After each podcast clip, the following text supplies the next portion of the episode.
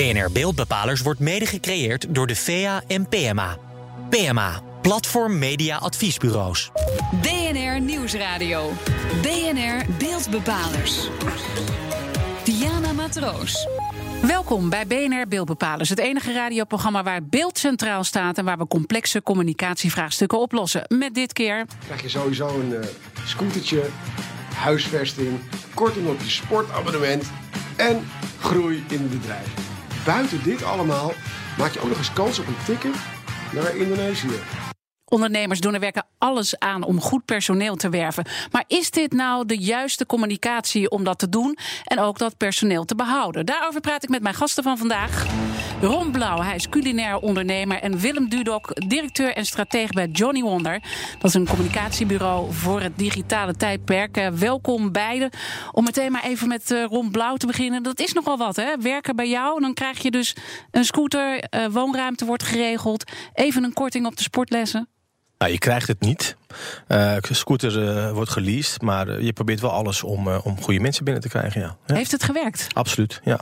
Ja, dat en nog steeds. En nog steeds. Dat, nog is, dat is mooi. Ik kan me wel voorstellen dat het wennen is om van nou ja, chef-kok, want dat ben je van huis uit, ineens ondernemer te zijn die continu de ballen moet hoog houden als het gaat om dat personeel maar binnen te trekken. Ja, het is een andere tak van sport, maar ja, ik ben behalve chef ook altijd ondernemer geweest, dus ja, dat hoort er allemaal bij. Het hoort erbij, maar soms is het wel frustrerend, toch? Ja, maar het is, het is, als het, als het, het is meestal zo, als het bij de een regent, dan druppelt het ergens anders. Dus het is nooit dat je zegt van we zijn er. Vooral in de horeca niet. Op het moment dat je denkt van hé, hey, nu is het op de rit, gebeurt er weer wat. Jullie hebben het natuurlijk niet zomaar gedaan. Daar gaan we straks uh, verder over praten. Want er is wel degelijk een probleem als het gaat om goed personeel uh, te vinden. Maar Willem, uh, laat ik jou ook even verder introduceren. Je houdt je elke dag bezig met communicatievraagstukken. Ja. Ook als het gaat om de arbeidsmarkt. En daarbij bekijk je ook waarom iemand nou van baan verandert. Of waarom iemand ook blijft. Wat zijn de belangrijkste redenen? Goh, uh, nou dat, dat, scheelt heel erg per sector, eerlijk gezegd. Ja, wij kijken, dus als het gaat over zeg maar, arbeidsmarkt en veranderingen van baan bijvoorbeeld, dan gaat dat. Wij kijken bijvoorbeeld heel vaak naar uh, wat zijn de frustraties van iemand in iemands huidige baan en waarvoor kan een nieuwe baan een oplossing vormen. dus bijvoorbeeld, wij werken um, vrij veel voor zorginstellingen bijvoorbeeld. en wat je daar bijvoorbeeld tegenkomt, een grote pre van de zorg is dat mensen hebben tegenwoordig heel veel meer het gevoel dat ze echt iets willen betekenen voor een ander. En heel veel banen hebben dat veel hebben dat minder. Als je altijd, uh, weet ik veel, op de loonadministratie werkt of, uh, of nou, noem maar wat, hè, dan kan het zo zijn dat je denkt, daar is mijn frustratie zit, ik wil echt meer met mensen werken. Je wil dan nuttig kan, zijn. Je wil nuttig zijn. Dan kan de zorg dus een oplossing zijn. Als je dat weet, hè, dus de, mm -hmm. de frustratie weet en de, en de potentiële oplossing weet, kun je die twee dingen aan elkaar koppelen. Daar kun je een arbeidsmarktcampagne opbouwen. Dus dat is een van de punten die heel erg uh, belangrijk is. We ja. horen natuurlijk net ook het probleem van de horeca, want daar komt Ron Blauw ja, heel herkenbaar. Uh, vandaan. herkenbaar, maar speelt dit, uh, want je bent bij personeelscampagnes betrokken, niet zozeer bij de horeca, maar ja. wel andere sectoren. Is dit een breed probleem? Ja, joh. Ja, nee. volgens mij zei jij net dat er 10.000 10.000 openstaande vacatures in de horeca, in de horeca zijn. Ja. Nou ja, wij, er is geen, geen klant van ons die niet een probleem heeft met personeel. Dus bijvoorbeeld de zorg, dat gaat gewoon over 100.000 mensen die we tekort komen. Gehandicapte zorg 10.000 uh, waar, uh, waar we. En dat, die, daar zijn gewoon geen mensen genoeg voor. Dus we moeten dan bijvoorbeeld van zij-instromers hebben. Dus dan even naar rond toe, zeg maar. De, de, de gehandicaptenzorg probeert ook mensen uit de horeca weer naar de gehandicaptenzorg te lokken. Ja, dus dat is een dus totale strijd, strijd tussen, tussen allerlei sectoren die allemaal een probleem hebben. We gaan met jullie eh, proberen op te lossen hoe we dat nou het beste kunnen doen. Om en binnen die strijd te winnen natuurlijk. En ook waar het probleem ligt. Laten we eerst nog even het probleem benoemen als het om de horeca gaat. Hè, want jij bent dus culinair ondernemer met Ron Blauw. Met verschillende zaken. Welk probleem tref jij aan? Nou, dat, dat, dat je te weinig mensen uh, krijgt. En dat er steeds meer horeca komt, ook in Amsterdam. Uh, dat elk leeg winkelpand wat er tegenwoordig is, daar, daar wordt horeca ingezet. En dat is helemaal niet zo erg als dat een, dat een, een jongen is die met zijn vrouw of met zijn tweetjes dat gaat doen. Een klein zaakje, maar het zijn ook steeds grotere zaken. En grotere winkelpanden. En daar heb je meer personeel voor nodig. En ja, er wordt bij iedereen wordt er aan elkaar getrokken. Je krijgt een soort race om, om, om, om mensen binnen te krijgen. En dat is geen goede ontwikkeling. Want ik denk nog steeds dat, dat gastronomie en een, heel belangrijk onderdeel is van je, ook voor, voor het toerisme. En dat, dat de toerist tegenwoordig niet meer alleen voor het Anne Frankhuis naar Amsterdam komt, maar echt gaat kijken waar ga ik eten. Ook als ik mezelf naga, dan, dan kijk je naar restaurants waar je naartoe gaat. En we doen het heel goed in Amsterdam op dit moment, echt fantastisch. Maar als het zo doorgaat, houden we dat niet vol. Want service en kwaliteit is toch een belangrijk onderdeel van horeca. Ja, we hoorden laatst ook al dat uh, Finch, een hele grote tent in uh, Amsterdam, voor de mensen die dat een beetje kennen bij de Noordermarkt, dichtgegaan omdat er geen goed personeel meer te vinden was. Daar speelde ook het argument dat uh, studenten nou ja, minder lang kunnen studeren, omdat het allemaal veel strenger is geworden met die studiefinanciering en ze ook moeilijk kunnen bijlenen. Dus alles heel snel afronden. Ja. Merk jij dat ook? Ja, zeker. Je, als je gaat kijken naar het aanbod van ambulanten, van, van, van parttimers, uh, waar we vooral mikken op uh, ja, als mensen weer een baan uh, of een, een, weer een, een nieuw schooljaar ingaan, een kamer gaan zoeken. En dan zijn we echt actief bezig bij de studentenverenigingen. Ja, daar is gewoon 50% minder, minder aanwas nu bij ons. Dat merken we gewoon. Dat, dat, dat de horeca toch een imago heeft van, van hele lange dagen en, en weinig vrije tijd en weinig tijd voor je vrienden. Is dat ook iets wat jij uh, tegenkomt? Want je zei, wat, de, de reden waarom mensen blijven is dat ze iets nuttigs kunnen doen. Hè? Dus mhm. dat is iets dat opvalt. Maar zit het ook in die onregelmatige werktijd en hard werken? En... Voor, sommige, voor sommige mensen is dat echt een probleem, ja. Dus ik kan, ik kan me voorstellen dat mensen, zeker die in, in, in, in je studententijd ben je natuurlijk heel flexibel. En heb je de ruimte om, uh, om uh, nou ja, dat maakt het eigenlijk niet zo gek veel uit wanneer je werkt. Maar ik kan me voorstellen dat je ook last hebt als personeel kinderen krijgt bijvoorbeeld. Hè? Dan, dan neemt je flexibiliteit enorm af. Ja, dan en dan is de horeca weer minder en misschien weer een minder logische plek om te gaan werken. Je, je, waarvan je misschien 15 jaar geleden zei, als iemand uh, een kind kreeg van oké, ja, dan, uh, dan moeten we maar kijken hoe, uh, hoe, we, hoe we ermee stoppen of hoe onze wegen gaan scheiden. Ga je nu oplossingen zoeken. Ja. En we zijn ook heel erg bezig om juist die mensen, die, kind, die vrouwen die kinderen hebben gekregen, om die weer terug te halen. En, en ja, alleen zeggen, oké, dan werk je alleen met de lunch. En dat werkt wel. Want je moet gewoon goede afspraken maken. Betere afspraken. En je zal je ook als horecabedrijf moeten aanpassen. En, en was het dan ook een wake-up call voor jou dat je dacht van uh, ik heb het uh, hele tijden zo kunnen doen en het, het is gewoon uitgewerkt? Ja, zeker. Maar je, je moet er altijd mee bezig zijn. En je weet ook dat, dat hè, er is een crisis en dan, dan komt er een periode dat het heel erg goed gaat. En dan komt er ook weer een crisis. Dus het zal ook wel weer voor de horeca een, een minder probleem worden als het weer minder gaat met de, met de economie. het is een soort, ja, die spijkerbroek van 18 jaar geleden die weer in is. En, en dat gaat ook, het is een soort conjunctuur wat je ziet wat er gaat gebeuren. Alleen je hebt er nu mee te maken. Dus je kan niet zeggen, ja, over vijf jaar is het misschien anders. Je moet het nu oplossen. Je moet het nu oplossen. Je zaak zit vol en je, je moet uh, koken en er uh, moet goede bediening zijn. Ja. Speelt ook nog mee dat, uh, want ik neem aan dat vooral ook wat jongere mensen bij jou werken, dat die, de, daar lees ik dan dingen over, dat die te lui zijn, dat ze ook echt een andere mentaliteit nee, hebben? Of herken je niet. dat niet? Totaal okay. niet. Ik denk wel dat je, dat, je, dat je nu veel meer met jongere mensen een, een lange termijn planning moet maken. Van wat, wat gaan we de komende drie jaar doen? Waar, waar, sta je over drie jaar? In salaris, wat nog eens het belangrijkste is, want denken we allemaal dat, dat die 100 euro of die 200 euro, dat dat, dat het is. Nee, het is ook uh, een rooster vier weken van tevoren bekend, bekend maken. Dat ze, dat ze kunnen plannen, dat ze, dat, ze, dat, ze, dat ze nog intern kunnen wisselen. Maar ook gewoon met studies, uh, stage lopen, uh, cursussen erbij. Gewoon mensen ook gewoon blijven kittelen in je bedrijf. Mensen zijn dus uh, veel eisender op het moment dat ze komen. Want ze voelen ja. ook natuurlijk dat die schaarste. Ze kunnen veel eisender zijn, ja, precies. Uh, ik hoor ook wel eens mensen in het bankwezen die zeggen van nou, vroeger dacht, was het echt heel makkelijk. En nu komt daar iemand zitten en die zegt: Wat heb je mij te bieden? Mm -hmm. En die, die beëindigen gewoon halverwege het gesprek: joh, ik heb genoeg gehoord. Ja. Dit is niks voor mij. Ja. Als je nou even kijkt hoe normaliter, want we gaan straks ook wat meer over de oplossingen praten. Maar als je nu kijkt naar de huidige personeelscampagnes, waar mm -hmm. gaat het vaak mis? Um, nou, op heel veel verschillende fronten. Nee, ik denk dat dat heel erg meespeelt. Dat, uh, dat heel veel organisaties en bedrijven eigenlijk een beetje verleerd zijn wat het is om, uh, om personeel te moeten werven. Omdat je natuurlijk die, de, de, de crisis hebt gehad waar het echt geen enkel probleem was om, uh, om mensen te vinden. En dat je dus ook merkt dat bijvoorbeeld systemen, maar ook denken over hoe hou je mensen vast en hoe investeer je in mensen en hoe werf je ze eigenlijk, eigenlijk een beetje um, ouderwets geworden is. Dus we moeten dat eigenlijk zijn we dat eigenlijk nu weer aan het heruitvinden. Noem eens wat voorbeelden. nou ja, een van de interessante dingen die die, Ron ook zegt over um, uh, bijvoorbeeld dat je nadenkt over hoe je bijvoorbeeld uh, mensen met kinderen kunt faciliteren in je bedrijf. Dat vind ik een heel goed voorbeeld van het bekijken als een, uh, een potentieel personeelslid niet alleen bekijken als iemand die een klus in je bedrijf kan doen, maar als mens. En iemand die naast dat hij werkt ook een privéleven heeft. En dat het vaak gaat over het uitbalanceren van die twee dingen. Dus dat wordt nu overgeslagen. Zijn er nog meer voorbeelden waar je ziet dat het misgaat, dat die arbeidscommunicatie gewoon ouderwets is? Nou, dat het heel vaak gaat over de behoeften en de belangen van van de organisatie in plaats van, eh, van wat, iemand, wat, eh, wat iemand daar kan gaan doen en kan gaan betekenen, hoe die zich kan gaan ontwikkelen. Dat zie je ook heel erg vaak. Dus dan krijg je glanzende, prachtige filmpjes over eh, hoe fantastisch de organisatie is. En dan, eh, dan ja, en, Ja. en da- daar moet iemand zich dan maar bij aan kunnen sluiten. Terwijl je wil natuurlijk iemand aanspreken eh, met de gedachte van eh, eh, we, we hopen dat er iets herkenbaars in zit, zodat jij je hier is, zodat jij je kunt verplaatsen in hoe het is om hier te komen werken straks. Ja, herken je dit wel? Ja, zeker. Ja, zeker. Het is ook. Kijk, wij zijn met zo'n campagne bezig eh, naar buiten toe. Maar, maar dat kun je niet eerder doen dat je het ook intern met je mensen eh, goed voor elkaar hebt. Want dan gaan die weer zeggen: ja, luister. Dus iedereen wat die niet van buiten komt, die krijgt allerlei voordelen en wij niet. Ah, dus je Dus- moet ook die mensen. Ja, eh, ja, daar, daar moet je mee beginnen. Anders heeft het totaal geen nut. Je moet gewoon zorgen dat er een goede, goede vibe in je zaak zit. En dat, dat, dat, dat ze het leuk vinden om voor je te werken. Dat heeft gedaan, dat horen we straks. En dan praten we ook over tekst, voice of toch video. Wat is nou de manier om goed personeel binnen te harken? Zometeen in BNR Beeldbepalers. Welkom terug bij BNR Beeldbepalers. Dit keer hebben we het over communicatie op de arbeidsmarkt... en hoe je goed pe- personeel kunt vinden en dat ook kan behouden.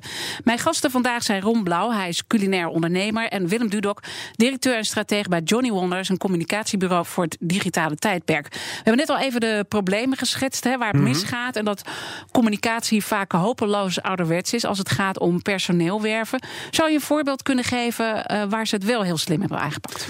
Nou ja, ik kan nu Ron Blauw noemen, natuurlijk. Ja, maar, Maar dat zou misschien, zelf, eh, zou misschien een beetje flauw zijn. Nee, er zijn wel voorbeelden van waar het, van waar het goed gaat hoor. Ik had, laatst kwam ik een eh, campagne van Adidas tegen, bijvoorbeeld. Eh, Here to Create heette die. Adidas is natuurlijk een heel groot sportmerk die ook constant zeg maar, nieuw creatief talent nodig heeft. En wat die heel goed deden was in hun arbeidsmarktcampagne, was, is juist eigenlijk de mensen laten zien die, de, die bij hun als bedrijf werken.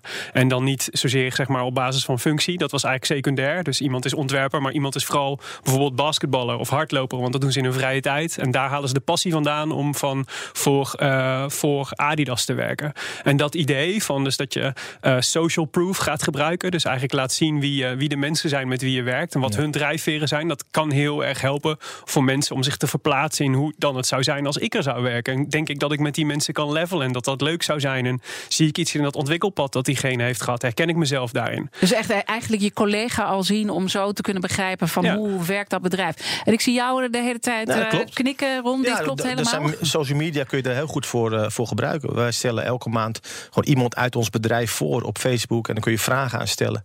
En daar gaan mensen zich mee identificeren. En die, die, en die, nou, als, ze er, als je er maar één hebt die denkt... hé, hey, ik zou ook graag een keertje op, de, op, op, die, op, die, op die pagina willen staan met mijn foto. En eh, dat lijkt me zo gaaf. Ja, dat zijn kleine dingetjes, maar je, je triggert er wel mensen mee. Even terug naar die campagne hè, van, van jou. Die hoorden we al aan het begin van de uitzending. Waar je dus echt een heel aantal dingen belooft aan degene die bij jou eh, komen werken. Een scooter, het zoeken naar woonruimte. Wat natuurlijk een enorm probleem Ja. is in Amsterdam. Het was dus blijkbaar niet meer genoeg om alleen te zeggen... je kan bij Ron Blauw werken. Want dat was, Ron Blauw is toch echt wel een begin Nee, in Amsterdam. 15 jaar, 15 jaar geleden kon je zeggen voor jou tien anderen. Ja. En je moet blij zijn dat je hier werkt. Eh, maar, en, maar dat kun je niet meer zeggen.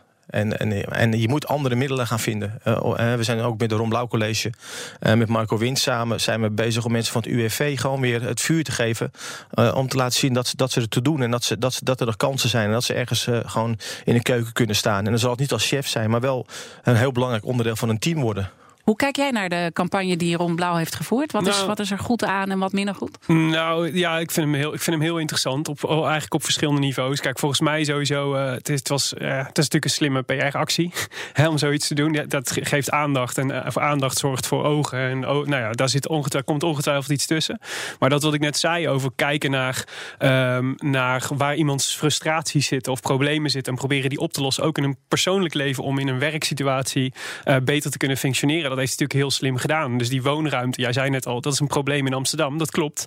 Dus stel je bent een, een, eh, iemand die niet in Amsterdam woont. Eh, je, je, hè, je zit nu in Zwolle en je denkt, nou werken bij die Ron Blauw, dat lijkt me wel wat. Ja, het lijkt mij Leuk een, om in Amsterdam te het lijkt me wonen. een hel om in Amsterdam te, om, een, om een woonruimte te Ja, vinden. te als doen, als. Ron dat probleem voor je kan oplossen, dan is, dat, dan is één grote drempel al weg. Dus dat vind ik er heel interessant aan. Ik denk dat je ook echt niet moet uitvlakken. Dat het natuurlijk ook wel begint, dat het uiteindelijk zijn, zijn, zijn extra factoren. Uiteindelijk begint het natuurlijk wel bij.